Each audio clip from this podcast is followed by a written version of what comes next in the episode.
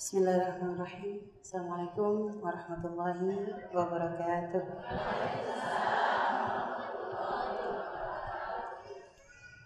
الحمد لله رب العالمين حمدا كثيرا طيبا مباركا فيه على كل حال حمدا يعفي نعمه ويكافئ مزيده يا ربنا لك الحمد كما ينبغي لجلال وجهك ولعظيم سلطانك سبحانك لا نحصي ثناء عليك كما أثنيت على نفسك فلك الحمد حتى ترضى ولك الحمد إذا رضيت ولك الحمد بعد الرضا. أشهد أن لا إله إلا الله وحده لا شريك له وأشهد أن سيدنا محمدا عبده ورسوله لا نبي بعده. اللهم يا ربنا أعنا على ذكرك وشكرك وحسن عبادتك. وأعنا على ترك معصيتك. اللهم صل وسلم وبارك وكرم وعظم على حبيبنا وشفيعنا مولانا سيدنا محمد. مفتاح باب رحمة الله عدد ما في علم الله صلاة وسلاما دائمين بدوام ملك الله وعلى آله وصحبه وموالاه. أما بعد. Para ibu yang dimuliakan Allah SWT, kita akan kembali melanjutkan kajian kita. Di majelis ini kita akan kembali belajar mendengar nasihat dari Nabi Muhammad SAW. Nasihat-nasihat indah yang terkumpulkan dalam kitab Al-Arba'in An-Nawawi An-Nawiyahnya yang disusun yang dikumpulkan oleh Imam Nawawi rahimahullah taala dan kita sudah sampai pada hadis yang ke-10 ya. Hadis yang ke-10 eh, hadis terakhir itu kita bahas tentang apa terakhir Bu? Kita pertemuan terakhir kita itu? Nah tentang banyak tanya Bu ya. Sekarang kita sudah masuk hadis yang ke-10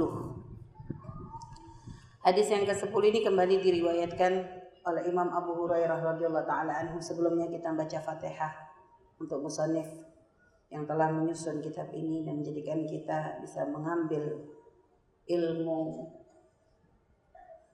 dari apa yang telah beliau susun dan beliau tulis ya agar kita semakin mendapatkan keberkahan dan menjadikan ilmu yang kita pelajari menjadi ilmu manfaat dunia akhirat.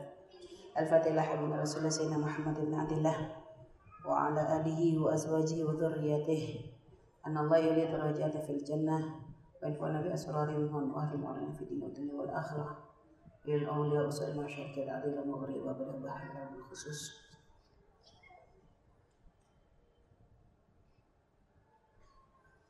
وأصوله وفر منتسبين إليهم أجمعين وأبينا وأبائكم وأجدادنا وأجدادكم وأمتنا وأمتكم المسلمين جميعا أن الله يغفر لهم ويرحمهم ويلي درجات في الجنة وينفعنا بأسرارهم والمغارم وعلومهم في الدين والدنيا والآخرة الفاتحة Baik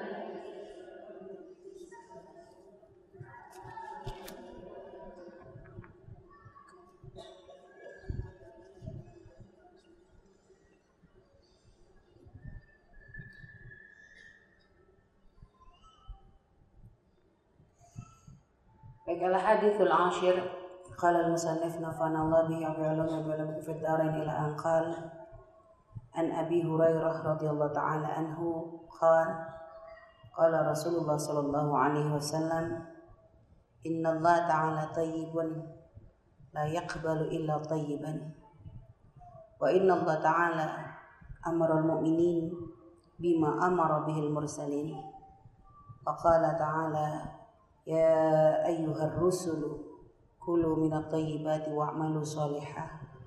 وقال تعالى يا أيها الذين آمنوا كلوا من طيبات ما رزقناكم. ثم ذكر الرجل يطيل السفر أشعث أغبر يمد يديه إلى السماء.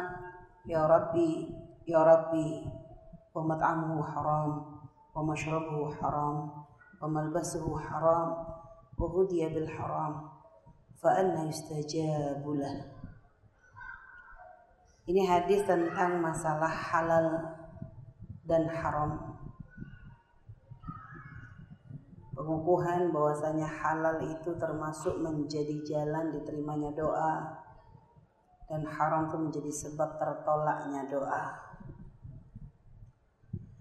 An Abi Hurairah dari Abu Hurairah, Sayyidina Abu Hurairah radhiyallahu taala anhu, kita sudah menceritakan tentang beliau pada pertemuan yang lalu bagaimana dekatnya hubungan beliau dengan Rasulullah sallallahu alaihi wasallam. Waktu beliau dengan Nabi tidak banyak, tapi yang tidak banyak itu dimanfaatkan sebaik-baiknya. Beliau tertinggal dari sahabat yang lain dalam masa kebersamaan dengan Rasulullah tapi ternyata tidak menjadikan beliau kecil hati, menjadikan beliau semakin semangat untuk bisa terus dekat dengan Nabi, dengan menghafal hadis-hadis dari Nabi, lalu sampai beliau itu menjadi sahabat yang paling banyak meriwayatkan hadis dari Nabi Muhammad SAW. Dia sebenarnya adalah motivasi untuk para semua yang hadir.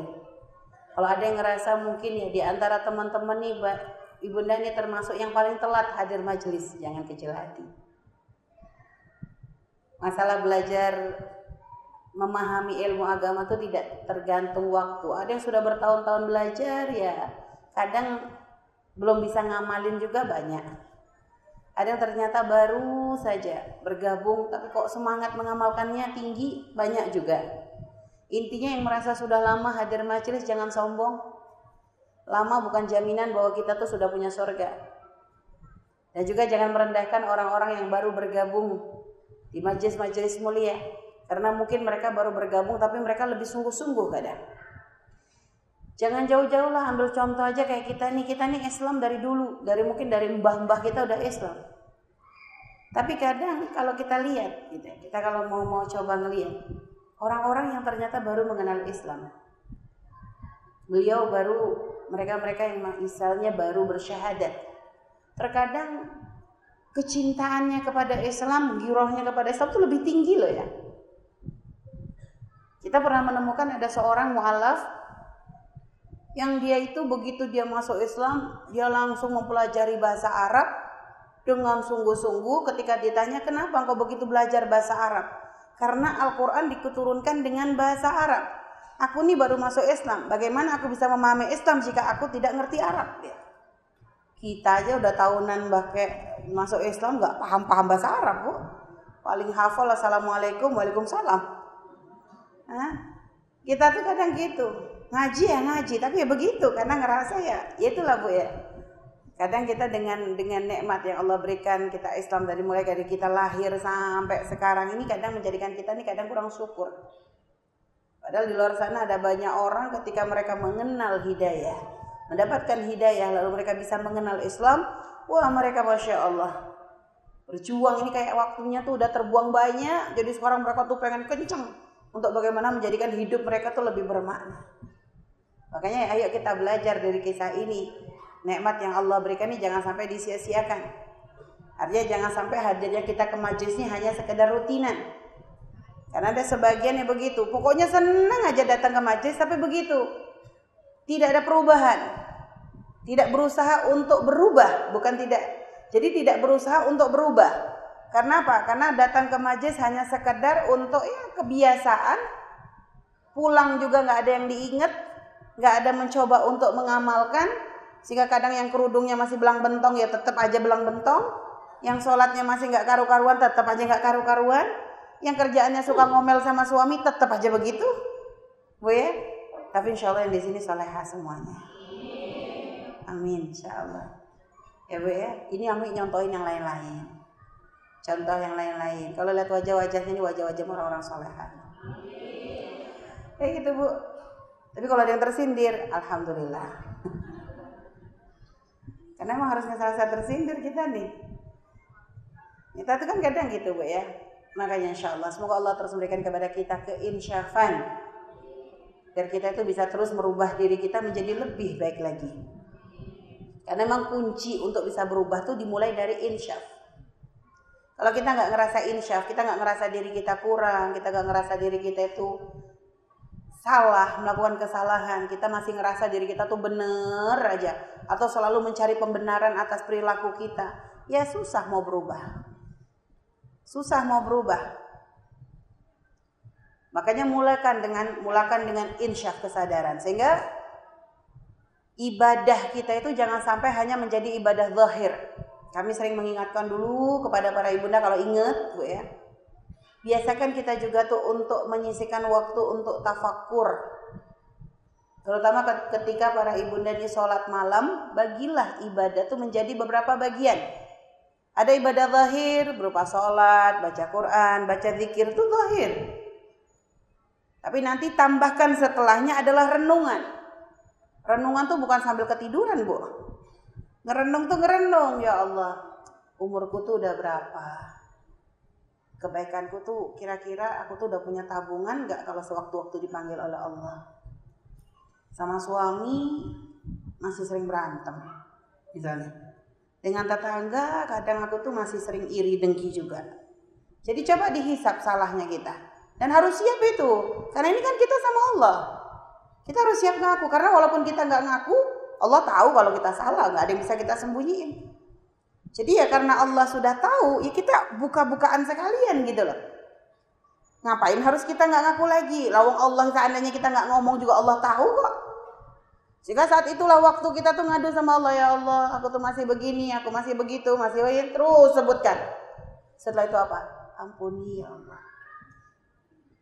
Kalau kita sudah biasa menyebutkan salah-salahnya kita, kita tahu diri kita merasa bahwa diri kita kotor, diri kita ini banyak dosa, diri kita belum benar, diri kita terus kita hisap Kita antem terus Salahnya kita sebutkan di hadapan Allah. Lalu saat itu kita ngaku sama Allah, kita mengadu kepada Allah, memohon pertolongan, meminta ampun. Itulah tafakur tuh begitu. Sehingga merenung model begitu itu lebih bagus daripada ibu beribadah 100 tahun full. Ibadah setahun full. Tafakur sa'ah khairun min ibadah sana. Tafakur satu jam itu lebih bagus daripada ibadah terus-terusan selama satu tahun. Bayangkan. Kita kan nggak ada yang beribadah segitu. Tapi tafakur saat itu kenapa? Ada sesuatu yang akan dihadirkan di situ. Ada sesuatu yang akan muncul di situ. Dan itu akan melembutkan hati. Dan termasuk tafakur ini adalah sunnatul anbiya, termasuk hal yang memang menjadi tradisinya para nabi sebelum mereka diangkat menjadi nabi. Sebelum mereka mendapatkan risalah, ini hampir semua nabi itu akan diberi kerinduan untuk tafakur. Termasuk nabi kita Nabi Muhammad SAW sebelum beliau diberi wahyu oleh Allah, itu disenangkan untuk tafakur. Makanya kenapa Nabi kok sering duduk di Gua Hiro? Jadi bukan tanpa sebab, bukan iseng itu. Itu sudah mulai dititipkan rasa gak suka dengan dunia, merasa risih dengan hal-hal yang gak benar. Sudah mulai. Lalu kerinduan untuk mengagungkan Allah, melihat kebesarannya Allah, dengan dengan merenungi ciptaannya Allah, itu rasa yang memang akan selalu dititipkan kepada para nabi sebelum mereka diberi risalah. Dibersihkan hatinya terlebih dahulu walaupun hati mereka sudah bersih. Artinya apa? Ya kita ini nabi saja sebelum diberi risalah dibegitukan. Muncul rasa kerinduan untuk tafakur. Apalagi kita yang gudangnya salah. Maksudnya kalau kita ingin menuju kepada Allah, ya begitu. Bersihkan dulu hati kita. Jangan sampai kita hanya sibuk sholat sampai ratusan rakaat, tapi nggak pernah ada renungannya. Makanya kalau kita memahami perintah Allah dalam perintah Allah ketika untuk kita melakukan sholat, bahasanya itu tidak pakai ada usolah, tapi iqamatus sholat. Karena ada beda di situ ibu. Jadi bukan sekedar melaksanakan sholat. Jadi kalau yang sholat yang kita lakukan itu ada. Ketika ibu sholat di masjid itu ada namanya melaksanakan sholat. Ibu sholat di rumah, di musola atau di mana itu namanya ada. Lalu yang dimaksud dengan iqamah itu yang model gimana? Iqamatul sholat itu adalah asar yang akan kita dapat dari sholat yang kita laksanakan. Maksudnya gimana? Allah berfirman di dalam Al-Quran, Inna sholata tanha anil fahsyai wal munkar. Sholat itu mencegah orang dari keji dan mungkar. Maka nama iqamatus sholat itu asar. Asar itu efek, akibat yang bisa terjadi pada seseorang ketika dia sudah bisa melaksanakan sholat tadi adalah dia bisa semakin baik sama suaminya. Dia bisa semakin baik dengan tetangganya. Dia bisa semakin mudah untuk sodakah akan semakin mudah untuk melaksanakan hal-hal baik. semakin mudah bakti kepada orang tua. Nah, itu namanya iqamatus shalah. Berarti kita udah berhasil melaksanakan apa namanya? Kita berhasil untuk iqamatus shalah tadi. Ketika sholat bukan hanya sekedar kita laksanakan dengan zahir, tapi ternyata ada efeknya. Ada perubahan baik yang terjadi dalam hidup kita. Pernah nggak ibu ngelihat ada orang bisa melaksanakan sholat, tapi lisannya tuh tajam banget? Pernah nggak? Tapi jangan nuding orang. Ya, ya kita pernah. Ada orang habis dia assalamualaikum assalamualaikum berantem dengan suaminya ada. Ada yang dia bilang setelah dia sholat kayaknya khusyuk. Eh tapi dia tiba-tiba dia kurang ajar dengan orang tuanya. Ada? Ada. Bahkan kalau kita lihat dalam sejarah. Orang yang membunuh Imam Ali radhiyallahu an menantunya Nabi Muhammad sallallahu alaihi wasallam itu adalah orang yang bermakmum di belakang beliau. Yang ketika Imam Ali membaca ayat-ayat Al-Quran itu pipinya tuh sampai basah dengan air mata karena menghayati firman Allah. Dia melaksanakan sholat di belakang Imam Ali. Tapi begitu sudah mengucapkan salam, begitu mudahnya dia ngangkat pedang lalu membunuh Imam Ali. Dengan pedang yang beracun. Tuh lihat bu. Kenapa? Dia hanya melaksanakan ada sholat, bukan iqamatus sholat. Kalau dia melaksanakan iqamatus sholat tadi ya, yang dia katakan ada iqamatus sholat, tidak akan mungkin seseorang yang setelah dia menghadap Allah di dalam sholatnya, pulang kok masih bisa kurang ajar dengan suami. Gak mungkin orang bisa menghadap Allah dengan sholatnya masih bisa ribut sama tetangganya. Masih bisa ngambil warisan saudaranya. Masih bisa nyolong korupsi duitnya umat. Nauzubillah. Gak akan mungkin. Nah inilah. Kembali kita kepada hadis yang akan kita baca. Imam Abu Hurairah. Itu tadi kita mengambil bagaimana agar kita ini sebagai seorang yang berupaya untuk terus berada di jalan Allah, di jalan Rasulullah, jangan kecil hati. Masalah waktu belajar bukan dan juga masalah banyaknya ilmu bukan jaminan keselamatannya orang. Tapi semoga kita semua selamat. Dan yang paling selamat itu adalah yang paling rindu untuk selalu bisa mengamalkan ilmunya. Dia berupaya untuk mengamalkan ilmunya, lalu memohon banyak memohon kepada Allah agar senantiasa diberikan ilmu yang menjadi sebab dia semakin lebih baik lagi hablum minallahnya, hablum minan nasnya, itu yang kita harapkan. Insya Allah kita termasuk di dalamnya, ya. Baik. Kalau Rasulullah Sallallahu Alaihi Wasallam, Allah berfirman, Allah bersabda, kalau Rasulullah Nabi Muhammad Sallallahu Alaihi Wasallam bersabda, Inna Allah Taala tayyibun. Allah itu bagus. Layak balu illa tayyiban. Dan Allah tidak menerima kecuali yang bagus. Allah bukan sekedar bagus tapi zat yang maha bagus yang maha sempurna. Makna tayyib di sini adalah munazzahun anin naqais. Allah suci dari segala kekurangan. Tidak ada yang kurang sedikit pun dari Allah taala. Allah bersih dari segala aib. Jadi benar-benar Allah maha maha sempurna, maha baik, maha bagus, maha luar biasa. Ya, karena Allah seperti itu, maka untuk yang pantas untuk diberikan kepada Allah adalah apa?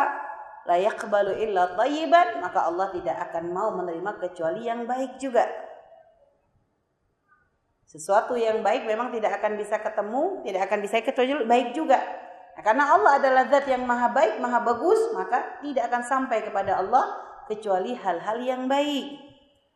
Allah tidak menerima hal-hal yang baik kecuali yang baik. Dari apa saja? Dari akwalun, ucapan, af'alun.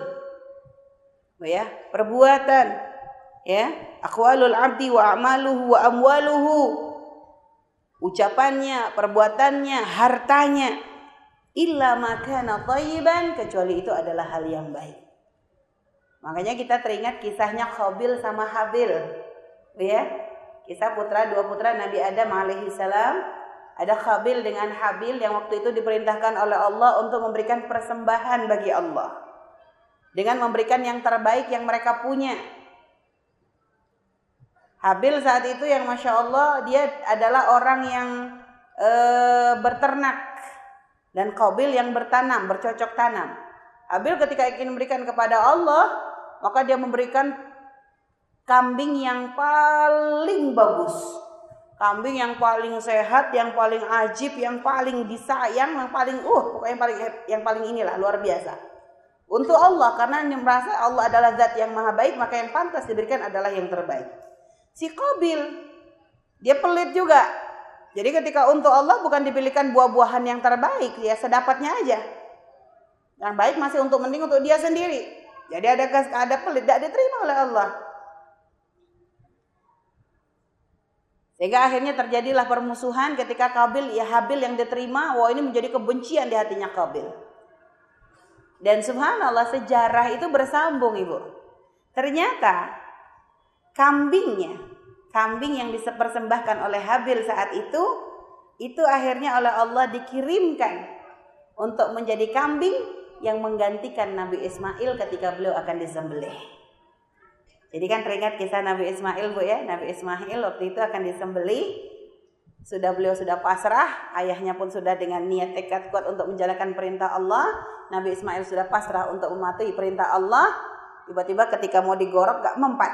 Digorok lagi gak mempat sampai tiga kali. Padahal waktu batunya nyoba pisau tuh di, di apa untuk memecahkan batu pecah. Digorokin ke, ke Sayyidina Ismail gak mempat. Sampai akhirnya tiba-tiba digantikan dengan seekor kambing, yaitu tuh kambingnya dalam riwayat dikatakan kambing yang pernah dipersembahkan oleh Habil kepada Allah Subhanahu wa taala. Jadi ada kisah bersambung ada dalam kisah para nabi itu, Bu. Baik. Inna Allah Ta'ala tayyibun la yaqbalu illa tayyiban. Jadi segala yang diteri akwalun wa amalun wa amwalun. Ini adalah dari harta, ucapan, perbuatan, harta yang hendak jadi berikan kepada Allah hendaknya apa khalian minal mufsidat jauh suci dari hal-hal yang buruk wal muharramat dan bersih dari hal-hal yang diharamkan qala Allah taala Allah berfirman mengukuhkan tentang bagaimana Allah tuh menekankan kepada kita untuk senantiasa uh, memakan dari yang halal dan ini perintah ini lihat Perintah ini tidak hanya Allah berikan kepada para, kepada umat saja, bahkan para nabi Allah berikan perintah yang sama. Allah berfirman di dalam Al-Qur'an, uh, wa, wa, wa inna Allah ta'ala amarul mu'minin bima amaro bihil mursalin. Allah maha adil. Allah nggak memerintahkan kepada Nabi bebas makan yang haram. Yang penting umatnya harus halal. Enggak. Karena ini adalah hal-hal yang baik, maka para nabi harus bisa memakan yang halal sebelum umat memberi contoh.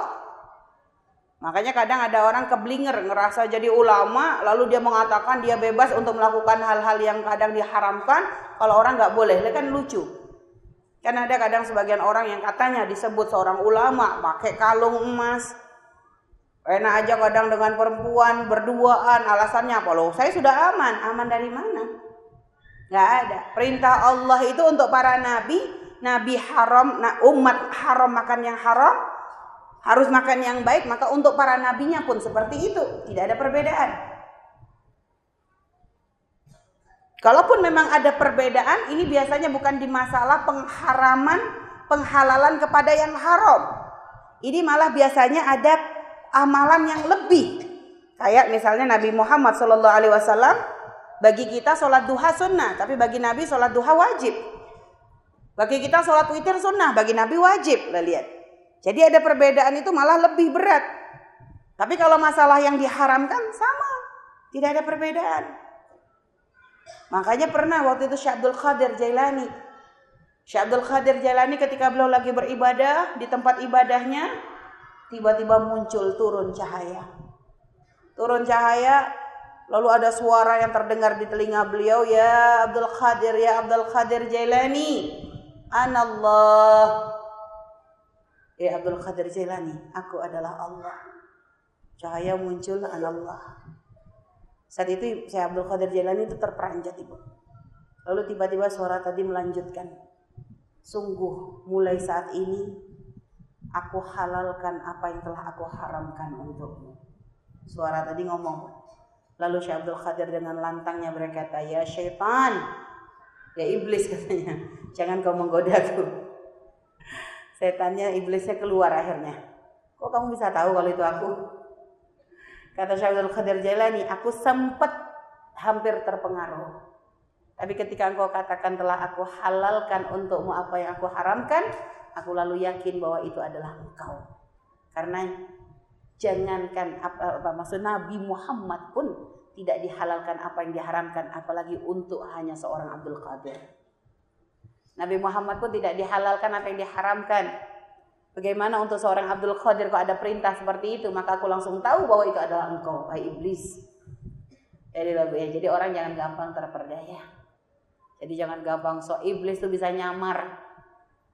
Hah? Bisa ngaku jadi wali, bisa iblis bisa nyamar. Makanya selagi kalau kita ini kok ada perintah, misal ibunda kok mimpi, mimpi dalam mimpi kok dapat perintah. Misalnya dalam mimpi kok ada orang ngaku wali atau gimana kok ngasih perintah yang salah. Langsung katakan oh itu bisikan setan.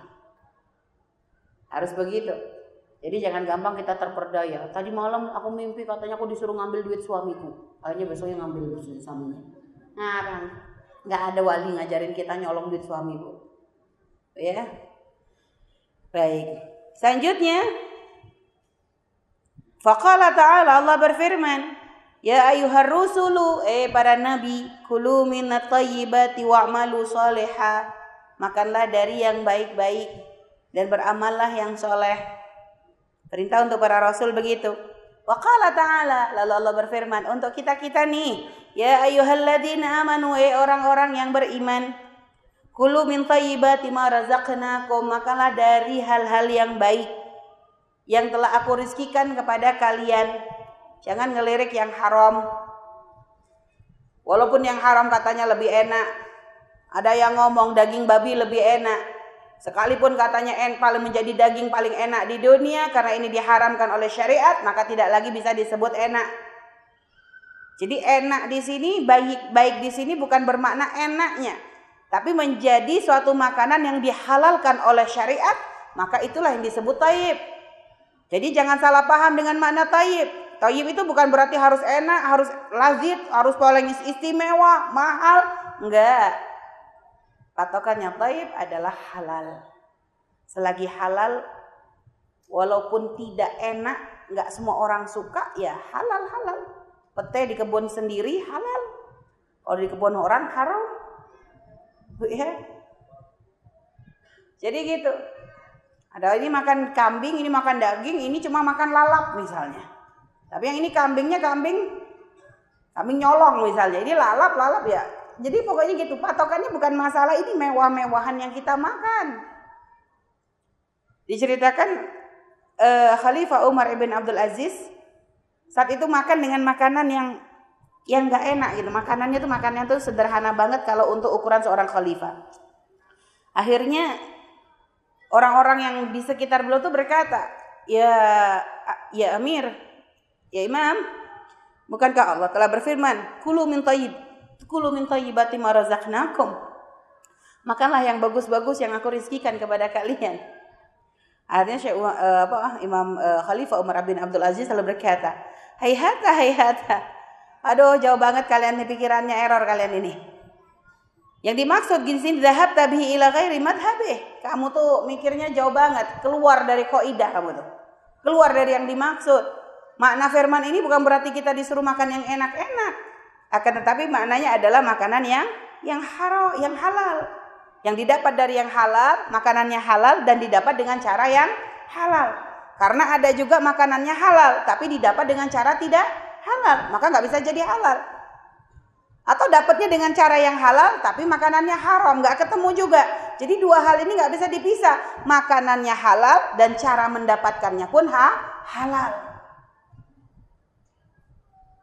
Kita sekarang sehari-hari makan apa? Nasi. Apalagi telur. Apalagi ayam.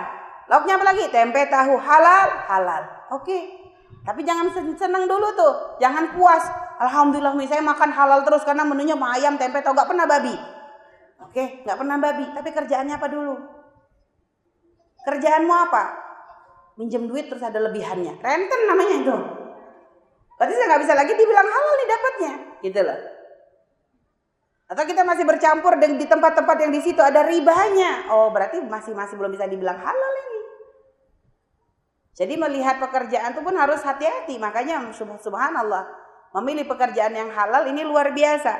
Makanya dikatakan oleh para ulama, eh, paling bagusnya makanan didapat dari pekerjaan itu minaz Katanya termasuk oleh para ulama itu makanan yang paling paling paling berkah insya Allah halalnya itu lebih terjaga itu zarroah zarroah itu dari perkebunan pertanian Asalkan benar, asalkan jangan-jangan ya intinya kembali lagi zaroahnya urusannya dengan yang halal yang halal enggak. Oh ternyata zaroahnya dari pinjaman bank yang haram ya ada subhatnya juga nanti. Ini benar-benar punya tanah sendiri, ditanamin sendiri. Makanya orang tua kita dulu tuh ibadah gampang. Kenapa? Mereka punya tanah sendiri, habis itu nanti nanam berasnya sendiri, di pinggir-pinggirnya dikasih sayuran, lalu nanti di pinggirnya ada parit dikasih ikan, nanti di belakang rumah nanam ngerawat ayam, kan gitu bu ya orang tua dulu tuh nggak kayak kita. Kalau kita mah sudah malas nggak telaten ngerawat-ngerawat gituan. Makanya orang tua dulu kenapa ibadahnya enak, baca Quran bisa seharian, kalau sholat bisa bangun malamnya gampang. Karena memang ringan mereka itu.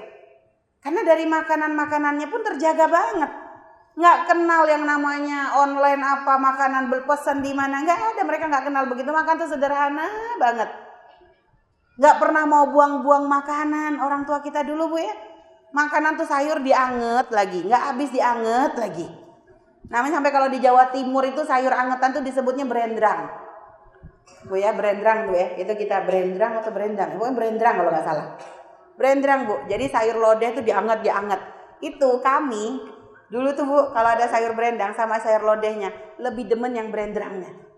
Biar kata orang nggak sehat, sehat-sehat kok ternyata. Jadi berendang tuh sudah dianggap tuh ternyata malah lebih sedap. Orang tua tuh gitu. Beras, nasi, nggak habis, nggak ada langsung main buang. Kalau sekarang udah langsung main buang aja, masya Allah. Nggak. Kalau kita orang tua kita dulu tuh kreatif, nggak boleh ada nasi kebuang itu Kadang ya kalau yang misalnya kebuang ada yang bikin aking, ada lagi yang kadang lebih kreatif dibikin kerupuk. Ya Bu ya. Jadi kerupuk puli itu kan kerupuk beras itu.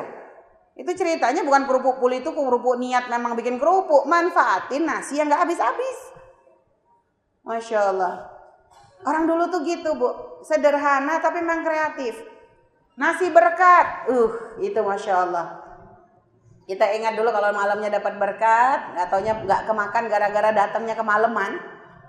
Pagi apa? Jadi nasi goreng campur-campur. Eh ternyata sekarang keluar ada jualan nasi goreng otok owok. Itu kayaknya itu terinspirasi dari nasi berkat itu bu. Karena kita dulu gitu, sebelum kita tahu ada nasi otok owok, Umi itu pertama bingung.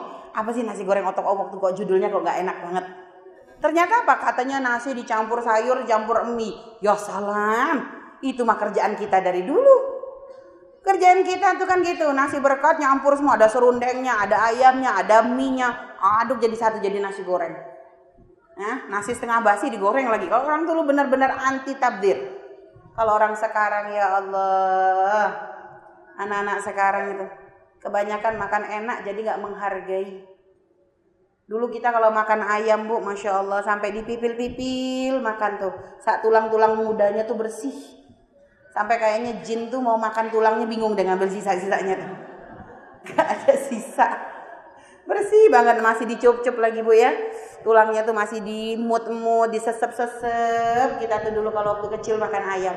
Ibu masih ngerasain nggak masa gitu tuh? Anak sekarang hilang separuh, separuh udah buah. Kadang diambil kulitnya tok, kadang diambil dagingnya tok, kadang Allah. Makan sekarang nih kayaknya kalau sampai bersih dianggap aib. Jadi kalau makan di restoran terutama harus ada disisain lah seperempat. Karena biar dibilang rakus, Allah Rabbi. Dari mana tradisi itu? Itu yang makanya jadi hilang berkah. Berkah itu bukan masalah kadang kemewahan yang kita dapat. Kadang apa? Hilang berkah itu menjadikan kita makan lebih enak tapi ibadah lebih susah. Karena nggak berkah. Sering buang-buang makanan kita itu bu. Ya Allah, harus kembali ke zaman dulu lagi kayaknya nih bu. Ya. Jadi gitu. Jadi zara'ah makanya kita pernah menemukan kadang ada kiai-kiai ya bu ya. Dulu juga umi itu kepengennya begitu bu. Umi dulu waktu awal-awal bangun pondok depan itu umi bikin pondok sampai sampai ke belakang tuh kita minta satu petak tanah yang itu kita tanami sayuran. Masya Allah itu tempat terindah di mata Umi itu itu kita nanam kangkung kita nanam labu air. Itu Masya Allah bu panennya bu. Orang sekampung kayaknya bisa ngerasain. Buahnya tuh ajib nanam cabe. Cabe bayangkan dua tahun lebih cabe gak mati-mati coba. Pohonnya sampai tinggi setinggi pagar. Itu nggak tahu semua yang ditanam di tanah itu tuh subur banget. Umi tuh paling jatuh cinta dengan tanah itu. Tiba-tiba masya Allah ada pengajuan. Anak tahfid tambah banyak tidurnya udah kayak ikan pindang terus Umi sudah nggak enak nih terus laporannya lanjutnya ke mana harus mulai bawa buat bangunan baru. Terus ya karena tidak ada tanah jadi kebun yang harus dipakai. Bu beneran itu ya Allah nangis itu bu. Itu waktu dibongkar tuh mi nggak mau ngelihat sama. Nangis beneran karena waktu itu sangat kepengen. Tapi ya begitulah kebutuhan untuk santri lebih besar. Ya sudahlah alhamdulillah. Nggak nanam tapi banyak yang ngirim sayur akhirnya. Ya bu ya. Nah, cuma kalau ibu yang masih punya lahan ya, ada ada kebun-kebun belakang rumah nanam lah. Nanam kayak cabe aja ya, mau hobinya mie cabe. ya Bu ya, apa-apa jadi yang bisa ditanam ditanam kreatif lah. Jadi kita nggak terlalu banyak protes kalau harga naik gitu Bu ya. Paling enggak kita kebun punya lah gitu. Karena kadang ada orang kreatif Bu ya, sampai pinggirnya tuh. Tapi saya nggak punya lahan, bisa mas pakai polybag. Oh ya, pakai pot, pakai apa. Makanya Umi sekarang pun kayak begitu karena terlalu sering digusur. Digusur tuh tiga kali kayaknya Umi itu. Nanam digusur lagi, nanam digusur lagi.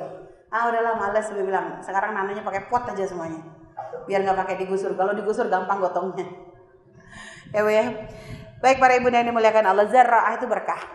Zara'ah. Jadi upayakan ibu kayak ya punya kebun sendiri kecil-kecilan, ada ya untuk ternak dikit-dikit ya bu ya. Terus kalau bisa ada kolam nih apalagi di sini kan di kuningan tuh banyak punya balong-balong tuh. Nanam ikan biar kalau ngormatin tamu gampang gitu tuh bu ya. Kayak gitu ajib itu masya Allah. Baik selanjutnya apa lagi? Eh yang yang katanya termasuk bagus juga sonaah sinaah. Sinaah tuh kayak kerajinan kerajinan. Ibu-ibu yang mungkin punya kerajinan tangan bikin bunga nyulam bikin kursi apa kayak gitu. Itu juga termasuk rezeki yang masya Allah. Karena kan ngandalin tenaga biasanya. Ngandalin tenaga dan keahlian menjahit. Itu sina itu berkah. Yang penting amanah. Nah terutama para tukang jahit ini. Kalau ada yang merasa menjadi tukang jahit tolong jadilah tukang jahit yang amanah. Itu akan membawa berkah. Karena sekarang kita temukan banyak tukang jahit itu suka bohong. Bilang seminggu jadi jadi sebulan keluar. Itu pun kita nagih kayak renten. Kita nagih tiap hari. Jadi belum, belum. Kurang tangannya dikit, dikit tapi nggak nyampe-nyampe juga. Bilangnya tinggal masang tangan sampai ditunggu seminggu tangannya nggak selesai-selesai. Nggak tahu masang tangannya kayak apa itu.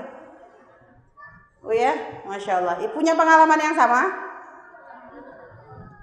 Makanya tolonglah amanah. Yang suka bikin-bikin kayak begitu amanah. Jangan kalah. Kita kalah dengan orang-orang di luar Islam. Orang luar Islam tuh kalau menjadi penjahit profesional mereka. Waktu sehari sehari, dua hari dua hari. Nggak apa-apa pasang harga yang benar, pantas. Tapi kita kita maksimal gitu loh. Jadi jangan seenaknya karena memang ya mengecewakan orang tuh menghilangkan menghilangkan berkah. Nah ini bu ya. Selanjutnya apa lagi?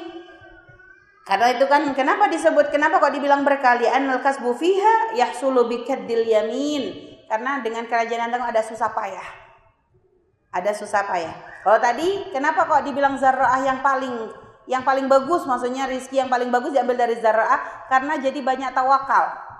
Tawakal sama Allah. Eh kayak tawakalnya Bu, kadang kan gini lagi-lagi berharap ini tiba-tiba ada wareng gitu kan. Tiba-tiba ada hujan, tiba-tiba. Jadi kadang kita mengandalkan ketawakalan. Umi ingat waktu itu Bu, Umi waktu pas awal-awal pondok itu kan kita punya sawah. Jadi kita pengen untuk santri biar nggak usah beli-beli nanam sawah. Nanam sawah, nanam padi. Ya, nanam padi sebelah pondok. Cuma waktu itu yang dikasih tugas itu agak lambat nanamnya. Orang dan nanam mereka dia baru nanam. Akhirnya Bu, pas lagi mulai kanan kiri itu udah mulai panen. Umi waktu itu sama Bu ya inget banget Pagi-pagi tuh jalan lihat sawah tuh Masya Allah padinya gendut-gendut. Gemes liatnya tuh. Ya Allah masih senangnya baru kali ini nih panennya berhasil nih bilang. Akhirnya apa? Besok pagi Bu, kita dapat kabar nggak enak. Kita langsung pergi ke sawah. Subhanallah, satu buah pun nggak ada sisa. Rupanya apa? Ya karena kita nanamnya telat, giliran sebelah-sebelah panen, tikusnya lari ke Umi semua. Akhirnya dari niat ngasih makan santri jadinya ngasih makan tikus. Alhamdulillah bu. Kita sampai cengang, bener-bener gak ada sisa. Itu tuh padi tuh kayak dipotongnya rapi banget, kayak pakai alat. Tidak ada sisa. Nah itu banyak tawakal. Gak apa-apa, kita nggak dapat padinya tapi dapat pahalanya. Dan usah kecil hati. Waktu itu Umi agak shock juga. Ya Allah. Tapi kita harus husnudon sama Allah. Gak boleh prasangka buruk. Tanda khair. Allah suruh kita ngasih makan tikus. Eh untuk santri ada yang ngirim beras. Kan gitu. Jadi gak usah gampang uh, prasangka buruk sama Allah. Husnudon bahwa di setiap musibah ada ganti yang lebih banyak dan lebih berkah. Itu bu ya. Baik selanjutnya apa lagi? Selanjutnya tijaroh. Itu termasuk pekerjaan yang berkah juga, tijaroh, perdagangan. Kenapa? Karena itu termasuk pekerjaan yang banyak dilakukan oleh para sahabat Nabi Muhammad Wasallam. Ya sebenarnya semua pekerjaan bu yang penting halal, benar-benar ya terhormat. Dan halal tuh jangan langsung hanya sekedar melihat dari sisi pekerjaan. Ibu harus melihat dari kanan kirinya juga. Contoh,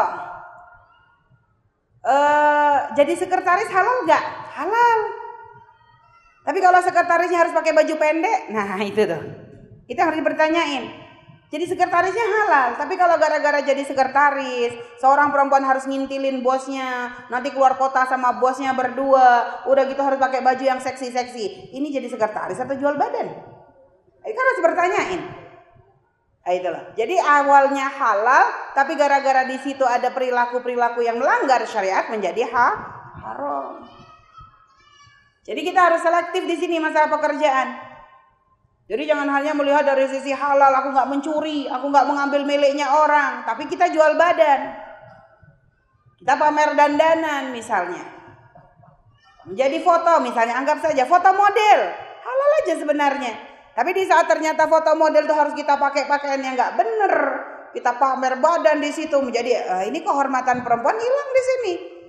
Sehingga pekerjaan foto yang awalnya mungkin foto, foto itu kan halal aja foto. Tapi begitu kita malah menjadi model untuk dijual tubuh kita, kehormatan kita. Naudzubillah, ini yang menjadi masalah. Itulah Bu.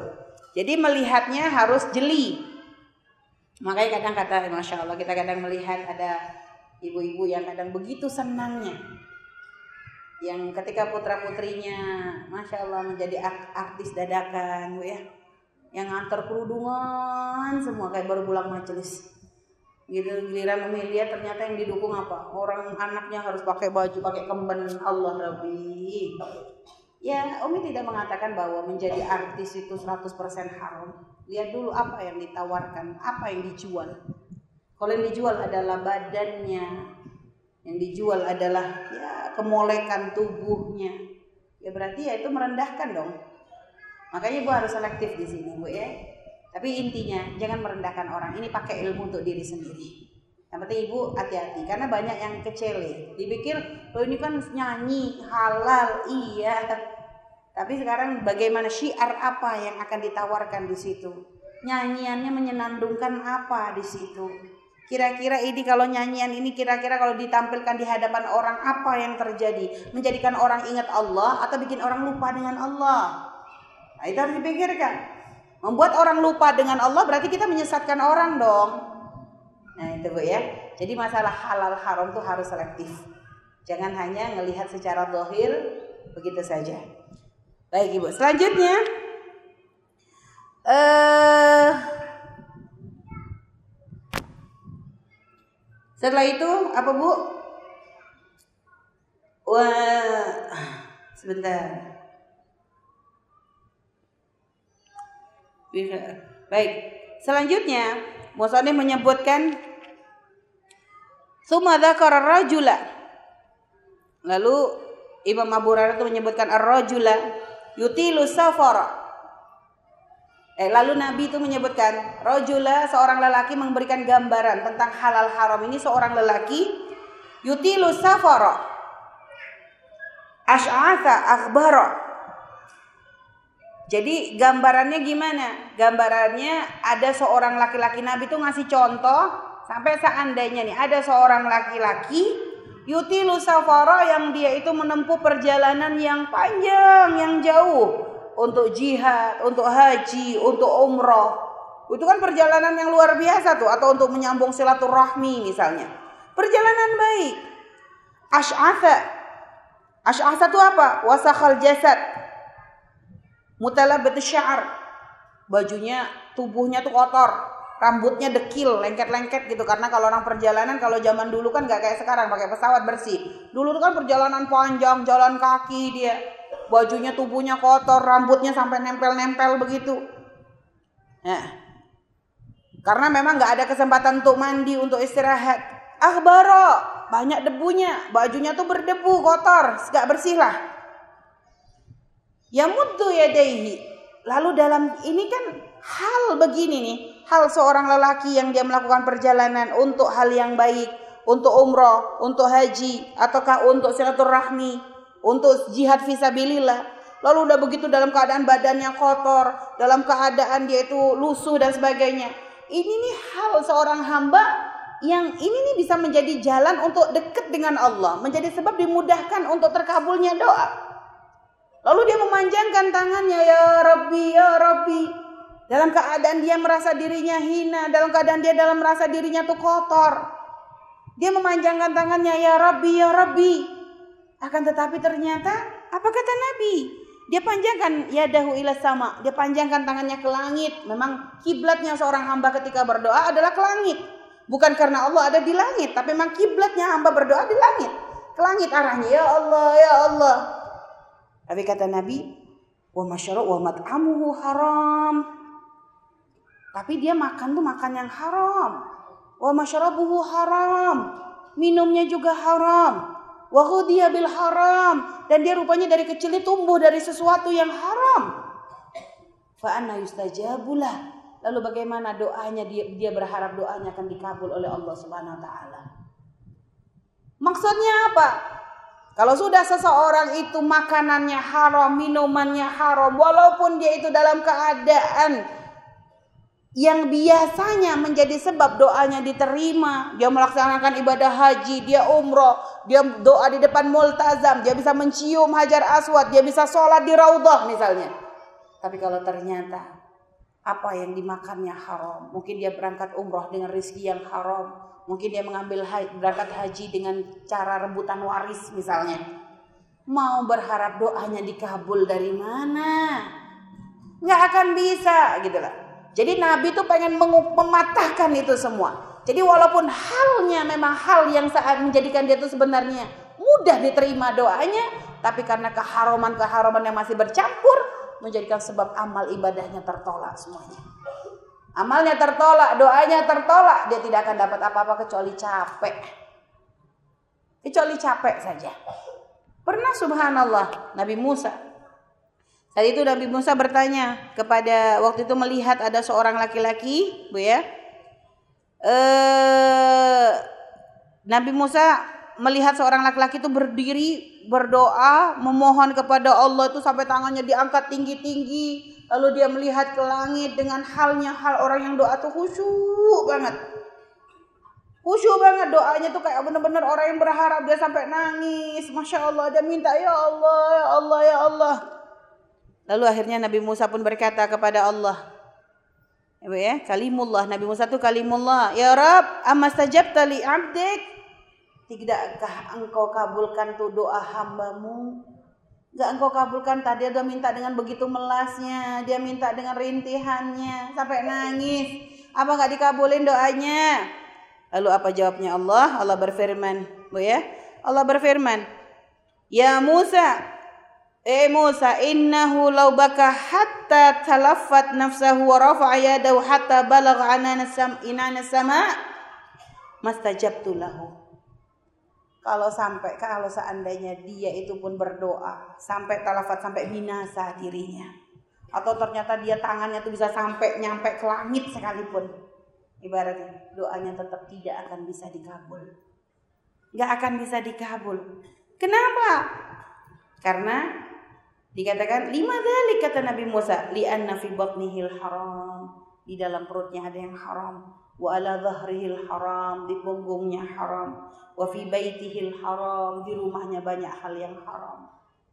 Gak akan bisa dikabul. Sehingga makanya keharaman itu benar-benar harus kita jaga. Para salafun saleh itu sangat-sangat menjaga dari yang haram. Bahkan Sayyidina Abu Bakar As-Siddiq boro-boro masuk yang haram atau syubhat. Yang halal yang halal pun masih dipilah. Dikatakan Sayyidina Abu Bakar As-Siddiq itu mengharamkan 70 yang halal, bukan bukan mengharamkan ini menjadi fatwa. Enggak, beliau itu maksudnya melatih dirinya 70 perkara halal pun dijaga. Artinya tidak tidak tidak dilakukan. Saking menjaga. Contohnya apa? Makan pakai dua lauk boleh nggak, Bu? Boleh nggak makan pakai dua lauk? Boleh kalau lauknya sendiri. Ya nggak boleh kan lauknya orang. Ini lauknya sendiri boleh, jangankan dua. Ibu mau sepuluh juga boleh kok. Tapi Sayyidina Abu Bakar As-Siddiq mengharamkan, nggak mau dirinya lebih dari dua lauk, harus satu lauk cukup. Jadi yang halal aja masih dipilah-pilah. Kalau kita kan tambah banyak lauk tambah senang. Oh ya. Nah ini loh, para salafun soleh itu kadang menjaga dirinya tuh sebegitunya. Yang boro-boro masuk subhat itu bu ya. Yang hal, yang halal aja dipilah-pilah lagi. Itulah. Ya inilah yang kita pelajari pada pertemuan kita kali ini bagaimana kita tuh benar-benar menjaga dari yang haram. Makanya para salafun saleh wanita-wanita mulia di zaman Nabi Muhammad Shallallahu alaihi wasallam dan berikutnya pengikut-pengikutnya itu kalau suaminya pergi kerja tuh pesannya apa? Suamiku carikan kami rezeki yang halal. Kami masih bisa kalau untuk nahan lapar kami masih bisa mampu untuk menahannya. Tapi kalau panasnya neraka, kalau api neraka masuk ke perut kami, kami tidak akan sanggup. Maka jangan pulang kecuali engkau mendapatkan rezeki yang halal. Masya Allah, Bu, lihat. Ini sekarang banyak para istri sebenarnya menjadi sebab suami itu jadi ngelanggar halal. Karena apalagi zaman-zaman sekarang banyak tuntutan, banyak ibu-ibu senang belanja online. Hanya suami tiap bulan tagihannya gede, belum lagi nanti tagihan arisan. Ngikut arisan gak sadar sama gajinya suami berapa. Giliran tagihan suaminya dioprak-oprak. Giliran dapat diem-diem. Ini kan modelnya banyak bu ya. Masya Allah. Belum lagi nanti ada perkumpulan-perkumpulan. Perkumpulan ibu-ibu yang nungguin anak sekolah Berkumpulan ibu-ibu nungguin anak sekolah, yang kalau nganggur di sekolahan gak enak. Akhirnya apa? Ayo kita nunggu di warung sana yuk. Ayo kita dicoba ada warung baru buka di sana yuk, kulineran tiap hari. Belum lagi nanti tiba-tiba ada penawaran, ayo kita sekembaran sepatu. Ayo kita kembaran tas. Ayo kita kembaran kerudung. Ayo kita kembaran baju ajib. Oh banyak yang senyum ya bu ya. Kira satu ini kok enak. Kayak banyak yang kejadian deh. Akhirnya tagihan ke mana suami? Suami nggak udah mentok, nggak bisa dapat rezeki lagi. Akhirnya gak apa? Gara-gara tuntutan istri banyak. Itu baru istrinya, belum anaknya. Anak nomor satu nanti nuntutnya beda lagi, nomor dua beda lagi, nomor tiga beda lagi. Sekelenger itu suami. Aja dari situ apa? Mulai. Awalnya sih kerjaan halal, benar-benar jadi pegawai jujur mulai gara-gara tuntutan banyak di rumah ada kesempatan untuk mengambil yang yang yang pinggir-pinggir. Atau bagaimana? Ada ini itu ya masya Allah. Nah kemarin kan banyak orang terkena kasus apa itu? Kasus perjudian online juga itu kan gara-gara itu. Keblinger. Kebutuhan hidup dengan dengan yang kemampuannya nggak sesuai. Akhirnya sudah ikutan judi online dan sebagai nggak sadar. Bilangnya itu bukan judi padahal jelas-jelas judi Ya gara-gara inilah bu terlalu banyak tuntutan hidupnya itu masya Allah. Itu baru tagihan, belum tagihan makannya ya Allah. Padahal kalau seandainya masak aja 20 ribu aja masih cukup lah kalau sekeluarga. Paling mentok-mentoknya berapa? 50 ribu udah bisa untuk berapa kali misalnya begitu. Kalau kita mau pola hidup sederhana. Karena kalau kita ingat tadi bu ya orang-orang tua kita dulu tuh masya Allah manfaatin apa-apa tuh biar dan dulu nggak gengsi ya karena sekarang tuh sekarang orang tuh banyak gengsi kita masih ingat banget Bu ya, masih Umi tuh masih ngalami banget zaman kita kalau makan ayam tuh hanya sebulan sekali pakai ayam kampung yang kurus banget tuh Bu. Biasanya kita nih anak-anak bagiannya tuh bagian leher. Kalau bagian paha tuh biasanya bagian ayah. Ya, yang enak-enak tuh ayah kita tuh bagian kepala, leher, beti kaki, bukan paha, kaki. Pokoknya yang bagian-bagian yang kurang-kurang tuh biasanya gitu. Zaman dulu tuh gitu. Orang ibu-ibu dulu tuh suami tuh nomor satu. Beda sama anak sekarang. Suami dicuekin. Anak yang nomor satu. Kalau dulu tuh kita diajarin tuh bener-bener ngormatin orang tua tuh banget. Sampai kalau ayah belum makan, nyuil sambelnya dikeplak. Beneran itu. Nah terus nanti ibu tuh kreatifnya gimana? Kalau udah lagi goreng ayam, bumbunya dibanyakin. Nah nanti kita walaupun dapat tulang-tulang tuh, dikasih nanti di, diserok bekas bumbunya yang di panci gorengan itu nah itu nanti dicampur-campurin ke nasi. Jadi rasa ayamnya tuh merata. Walaupun makan dagingnya enggak. Itu dulu gitu bu orang tua cerdasnya tuh. Ya Allah sekarang coba. Jarang boro-boro bu ya. Makanya dulu tuh makan ayam tuh nikmat sampai bener. Makanya dari dulu tuh kita tuh selalu kebiasaan. Sampai sekarang jadinya kebiasaan. Kalau makan nasinya dulu habis lauknya nggak habis-habis karena dulu tuh dieman-eman. Dieman-eman, disesep-sesep, ya Allah. Tapi nikmat, Bu. Bener nikmat. Nikmat itu yang tidak ada sekarang. Kami ingat katanya cerita orang-orang tua dulu, makan makan peda. Bikin pepes peda tuh nanti dibungkus pakai daun mangkok katanya. Daun mangkok. Ibu akhirnya kayak ngiler-ngiler kami cerita gini. katanya nanti dibungkus pakai daun-daun mangkok atau kelapa gitu Habis itu apa? Nanti yang dipakai itu daunnya, yang dipakai kelapanya untuk umek-umekan. Pedanya apa? Dibungkus lagi nanti. Begitunya lah orang tua kreatif bener. Karena memang ya Allah, mereka dulu makan tuh bener-bener untuk bertahan hidup, bukan makan untuk senang-senang. Kalau kita sekarang kan sudah itu, senang-senang aja, senang-senangnya lidah kita. Karena banyak banyak kemudahan tapi nikmatnya berkurang. Nikmatnya berkurang ibu. Masya Allah. Ayo ibu kembali lagi ke zaman dulu. Umi itu saking kreatifnya ibu ya, ibunya Umi dulu saking kreatif. Kita beras juga kan dulu pas-pasan. Jadi kalau beras itu kalau dulu kalau kami di Pontianak, kebetulan waktu itu santrinya ibu tuh banyak orang Madura. Jadi kami tuh depan rumah tuh pohon singkong, kebun singkong, wuh isinya kok singkong semua. Itu tuh jadi markasnya Umi untuk main masak-masakan di situ. Jadi kita tuh kalau masak nasi tuh bu, dicacahin sambil nyacahin singkong. Jadi nanti berasnya itu dicampur sama singkong. Itu khas. Beneran ini. Ini Umi mengalami masa kecilnya Umi itu sebegitunya.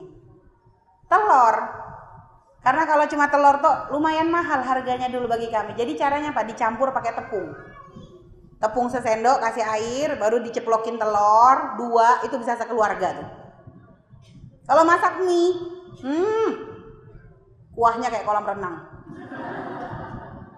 Sampai Umi dulu zaman Umi kecil inget banget karena mie itu kan mahal. Jadi kalau kita beli kerupuk itu kan kerupuk lebih murah beli dapatnya banyak. Kerupuk itu ya direbus gitu, direbus dulu supaya nanti dapat kuahnya mie sama aminya. Gak taunya sekarang jadi menu seblak. Ajib kata kita. Ini nih proses untuk kita tuh lagi susah zaman dulu.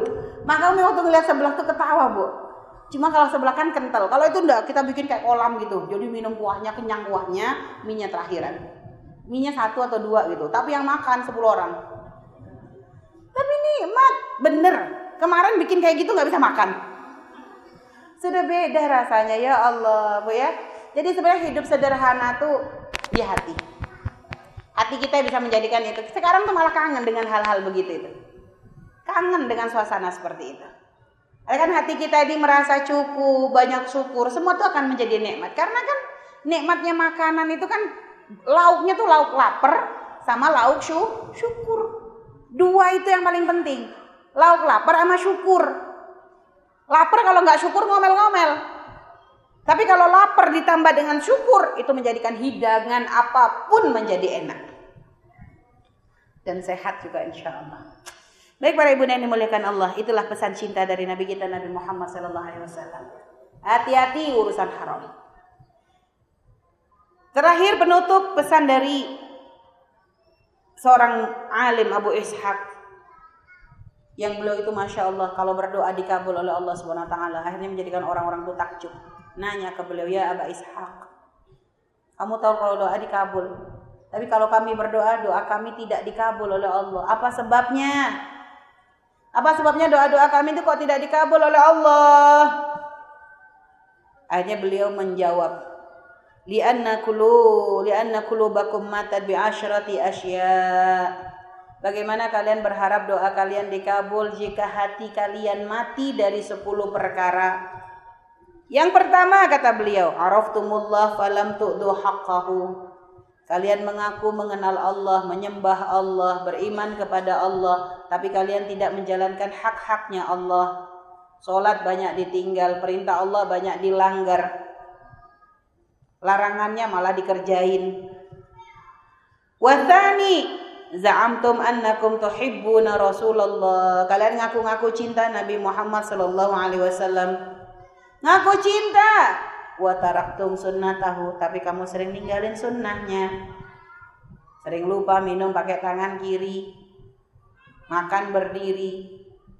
Apalagi banyak sunnah-sunnah kecil. Jangan yang gede-gede deh. Yang kecil-kecil aja banyak lupa itu kita. Ngaku cinta tapi ngamalin sunnah-sunnah nabi aja enggak. Ngamalin sunnah-sunnah nabi aja suka lupa kita. Gimana cinta? Orang cinta itu kan ngikutin. Ciri-ciri cinta tuh gimana sih? Ngikutin. Makanya kenapa kok ada anak-anak muda di pinggir jalan rambutnya dicat pink itu semua dengan gaya-gaya yang sebenarnya sangat gak sesuai dengan wajah dan penampilan mereka. Karena mereka cinta dengan orang yang salah, makanya jadi aneh. Oh ya, ya kita ini ngaku cinta Nabi, cinta Nabi, cinta Nabi, sunnah-sunnahnya banyak yang kita tinggal. Yang ketiga apa? tumul Quran falam ta'malu bih. Kamu baca Quran tapi kamu gak beramal dengan Al-Quran. Al-Quran perintahkan untuk kita berbuat baik, kita jarang-jarang berbuat baik, suruh kita silaturahmi, kita bagi kita ngelak, ya pokoknya macam-macam. Oh, pesan-pesan Al-Quran gak dipakai. Jangan tabdir, kita sering tabdir. Dan masih banyak lagi. Warabi akaltum ni'amallah walam tu'du syukraha. Yang keempat kamu makan dari nikmat Allah tapi kamu jarang syukur. Kalaupun ngucapin alhamdulillah nunggu gelegean. Kita tuh kadang jarang merenung syukur masalah syukur kepada Allah. Kadang kita masih sering melihat nikmatnya orang daripada nikmat yang Allah berikan untuk kita sendiri. Wal khamis yang kelima, kultum kalian katakan inna syaitan aduun lakum walam tukhalifu. Kamu bilang setan itu musuhmu, tapi kamu nggak melawannya, nggak ngelawan setan, malah seringnya kita ngikutin setan. Giliran sudah kepleset, ini salahnya setan. Padahal kita sudah ngikut, kita sudah jadi budaknya setan. Itu, padahal kita bilang musuh, tapi kita nggak ngelawan. bilang bohong jadinya. Wasadis kultum. Kamu katakan yang keenam, kamu katakan innal jannata haqqun. Surga itu pasti. Walam tak malulaha, tapi kamu nggak mempersiapkan diri untuk bisa masuk ke dalamnya. Pengen masuk surga paling tinggi, tapi sholatnya paling akhir. Pengen masuk surga paling tinggi tapi sodako paling belit. Pengen masuk surga paling tinggi tapi amal-amalnya semuanya nggak sungguh-sungguh. Ya gimana mau pengen masuk surga paling tinggi? Bahkan di zaman Nabi ada seorang sahabat yang semalaman mikirin keselamatannya Nabi. Dia jagain Nabi dari mulai malam sampai pagi. Nggak tidur-tidur. Khawatir Nabi waktu di tenda diserang sama musuh. Hanya ketika bangun Nabi kaget, kenapa kok ada dengar suara orang jalan di depan tendanya? Ditanya sama Nabi ngapain? Aku khawatir keselamatanmu ya Rasulullah. Lalu Nabi bilang sama dia, Masya Allah, Nabi terharu dengan kesungguhannya. Sekarang kamu minta apa? Kamu minta didoain apa? Ini yang minta doain Nabi nih. Bukan jin Alibaba, bukan. Yang kadang mungkin namanya jin sama ini Nabi. Yang kalau doa pasti dikabul. Akhirnya sahabat tadi ngomong, mikir dia ini nggak boleh minta sembarangan. Sampai begitu dia pikir ketemu Nabi lagi dia ngomong ya Rasulullah uridu murafaqataka fil jannah. Aku pengen jadi temanmu di surga. Nabi lalu jawab, kalau memang kamu ingin kudoakan seperti itu, bantu aku. Bantu dengan apa ya Rasulullah? Bika roti sholat. Perbanyak sholat. Maksudnya, baguskan ibadahmu. Baguskan hubunganmu dengan Allah. Jangan pengen surga tertinggi tapi hubungan dengan Allah pas-pasan. Ya. Yang wasabi kultum inna nar hakun walam tahrabu bin minha. Kamu katakan neraka tuh pasti, tapi kamu nggak lari dari neraka. Kamu nggak lari dari neraka. Di dalam neraka banyak pezina dan saat ini banyak orang yang terjerumus dalam zina dan mukaddimah mukaddimahnya. Di neraka banyak orang-orang yang Masya Allah memakan makanan yang haram. Tapi kadang kita terpleset di dalamnya. Banyak itu. Selanjutnya apa Ibu? Wathamin yang ke-8 kultum innal maut haqqun walam tasta'iddu lahu. Kamu katakan kematian itu pasti tapi kita nggak mau kamu nggak mempersiapkan diri untuk menghadapinya. Itu kita. Makanya memang benar kata Nabi. Kematian itu suatu perkara yang unik. Diyakini kebenarannya, tapi menjadi suatu perkara yang paling sering dilupakan oleh manusia. Semua kalau ditanya, bakalan mati nggak? Pasti mati. Persiapannya gimana? Belum ada. Belum ada. Makanya kenapa sekarang masih banyak orang begitu mudahnya bermaksiat karena mereka lupa dengan kematian. Mereka nggak takut mati dalam keadaan maksiat. Karena mereka melupakan bahwa kematian itu bisa menimpa siapa saja, nggak anak kecil, nggak orang tua, nggak orang muda, nggak sehat, nggak sakit. Semua bisa mati, nggak ada jaminan yang sakit, yang tua mati duluan, enggak, yang sehat segar bugar mati banyak. Jadi namanya kematian sesuatu yang pasti, tapi kadang persiapan kita apa? Makanya kata Nabi paling cerdasnya orang kalau orang yang selalu ingat kematian. Gimana nggak cerdas? Wong setiap mau melakukan maksiat dia ingat ntar lagi dia mati. Jangan sampai mati dalam badan maksiat gak jadi lagi. Terus seperti itu. Selanjutnya watasi. Intabahtu minan naum fashtaghaltum bi'uyubin nas wa nasitum uyubakum. Kamu bangun tidur malah sibuk dengan membuka aibnya, cari-cari aibnya orang, lupa dengan aibmu sendiri. Bangun tidur yang dibuka berita gosip Bangun tidur langsung kepo statusnya orang. Nah, aibnya sendiri gak diperhatiin selalu kalau denger berita ada gosip, wah penasarannya sampai tuntas harus beritanya ditelus, ditelusuri, dikejar, tanya sana, tanya sini. Aibnya orang kita sibukkan, aib sendiri Masya Allah nggak sadar-sadar. Wal ashir dafantum mautakum walam ta'tabiru bihim. Eh, Sebentar. Nah, benar. Yang ke-10 dafantum mautakum walam tatabiru bihi. Yang ke-10 adalah kamu kuburkan orang-orang yang mati tapi kamu tidak mengambil ibrah di dalamnya. Bahwa satu saat yang tergeletak itu bukan lagi orang lain tapi diri kita. Satu saat yang dimandikan bukan orang lain tapi diri kita. Satu saat yang dikafani bukan orang lain tapi kita. Satu saat yang dikotong ke kuburan itu orang bukan orang lain tapi kita. Satu saat yang dipendem itu adalah kita. Itu kadang kita kurang menyadarinya. Kadang kita hanya sibuk dengan tangisan karena kematian tapi tidak menangis bahwa kita bisa saja suatu saat akan seperti itu.